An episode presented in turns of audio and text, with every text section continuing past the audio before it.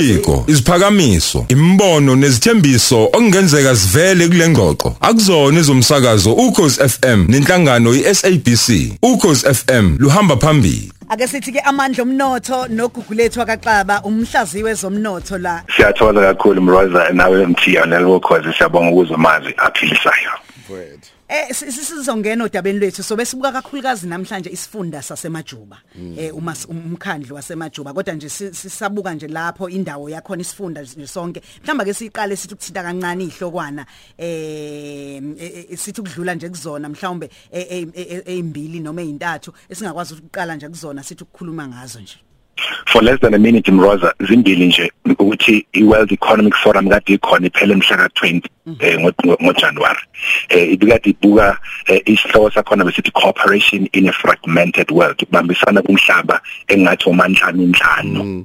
Eh u- uzobheka ukuthi umhlaba lesikuwona kunabantu abafuna ukubusa ngendlela ezithile zahlukene baye bakubize ngokwesilungu kuthiwa i-bipolar eh, eh world noma i-unipolar noma i-multipolar. I-bipolar ke imelika neRussia kodwa i-unipolar imelika la ifuna ukubusa khona yodwa. Bese i-multipolar okuwumhlaba esifuna ukuthi sikwazi ukuyiphatha sonke ngaphandle kokuthi sibhozonyelwe abanye.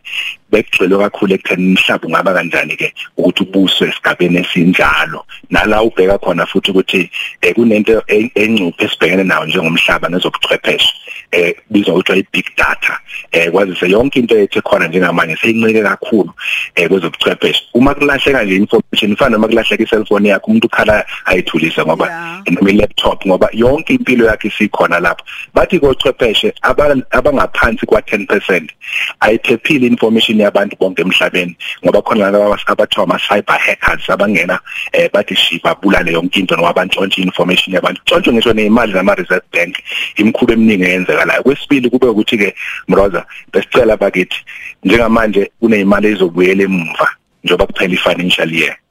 Kodwa osomabhizinisi bengafandiwe kuma local kwi kwi- kuma dis- departments siyacela bayisebenzisele ukuthi bafande osomabhizinisi lokho bengithi sidlule khona okufushane singakangena esihlokweni uyazi si- eh, eh, usibuya nje lapho sinjoba ngimtshela umlaleli ukuthi sizokhuluma nangamajuba eh um- lo mkhandlo lo amajuba district municipality. Mhlawumbe omunye umuntu uzokudideka ukuthi ungakuphi eh, u- mhlawumbe nje awu- awu- awu- singakwazi ukumakhela isithombe sokuthi akawubuke lo mkhandlo ukuthi wakheleke kanjani eh mhlawumbe yini esingayithola kuwona lo mkhandlo U- u- uzube khona nje ngoba kwakubaleke ngani?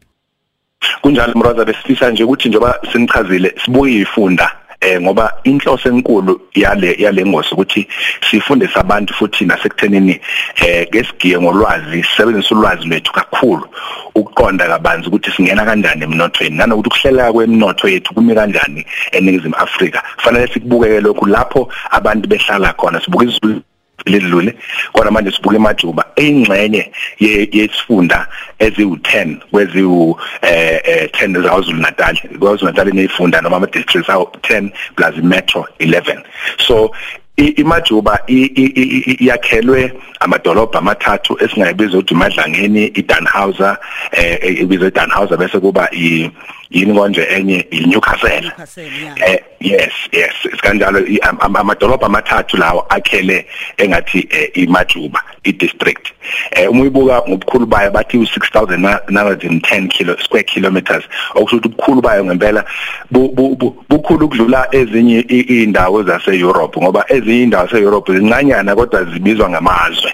So sinezwe sinezwe thina eningizimu Afrika libuye libe na- namazwe khona ngaphakathi uma ngasukuqhathanise kanjalo. Kodwa sikubheka namhlanje ukuthi athina amathuba noma yakhelwe phezukwani emajuba ngoba yilokho efanele sikuqonde Eh, okokuqala eh, i- uzobona ukuthi densely populated futhi sinabantu abaningi emajuba kodwa incane inabantu cishe abala ku 600000 eh uma uma ubuka uma ubuka mroza ukuthi nje i- i- i- indlela ekhula ngayo ibizwa eh, i- iNewcastle kakhulu u- u- ihlonzwe njengendawo ebizwa kuthiwa i-secondary city. Okusho ukuthi ukukhula kwedolobhanyana noma idolobha lase Newcastle eliphansi kwamajuba kuzoletha intuthuko enkulu ezokwazi ukuthi imajuba ikhulise ngendlela emangalisayo. Ingakho njengamanje mawuthi uyehlela nje majuba uvela lapha komemela uyabona ukuthi indawo ebekile futhi enakho ukuthi izokhula kakhulu iye phambili. Mm.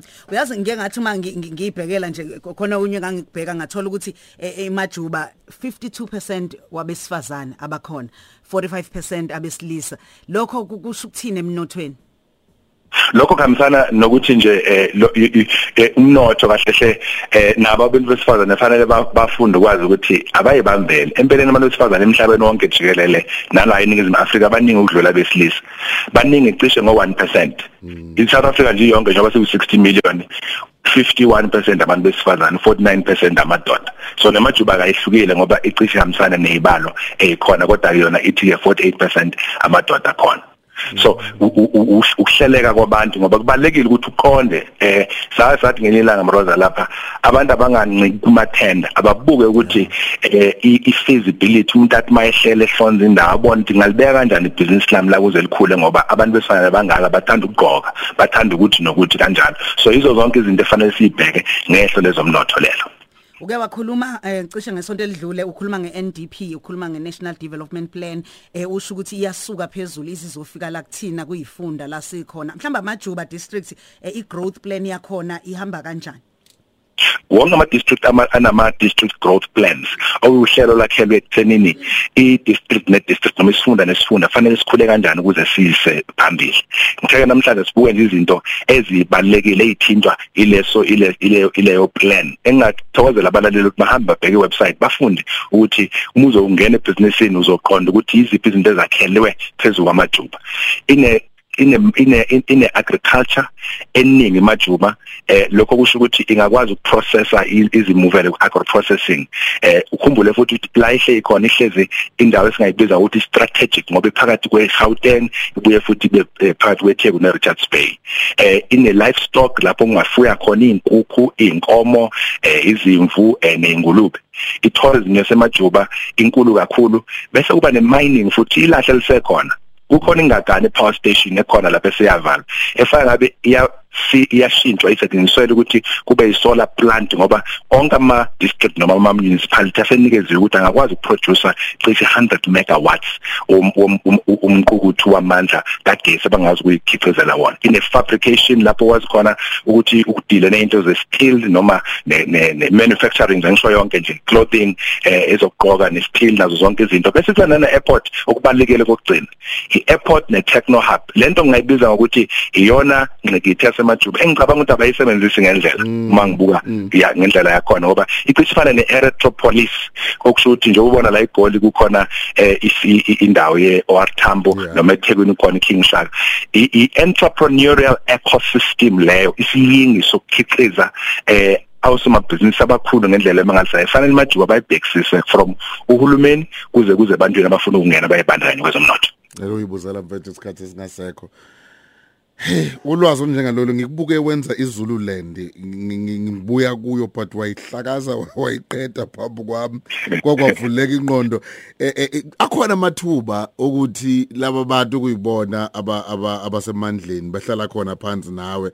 Noma bengeke behlaleke mhlawumbe bona ngoba babhizi kakhulu behind ama computer ukuthi abangosoma business bakuleyo ndawo bebe nama seminars whereby umuntu azovuleleka ukuthi hawu i district yami engikuyona inamathuba angaka njengala njengalokhu uyakwazi ukunpacka wena ngalendlela akhona eh, mthiya futhi bangasimema nje sizobasiza kokunye ngoba ngicabanga ukuthi fanele sibambisane eningizimu Afrika.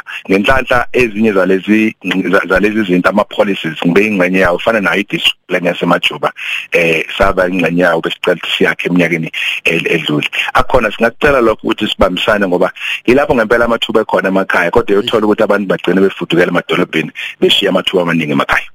Sikhuluma ngepolitiki ebuye ibe khona ngelinye ilanga. Kodwa sikho lapho mfethu ama seminars ayaqala khonani sikuthola kanjani?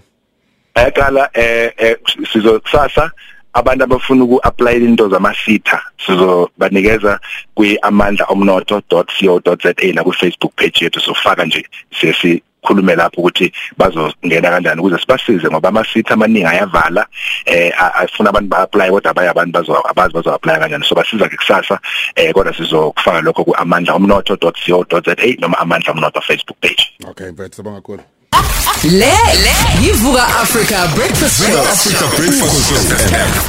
Hamba phambili.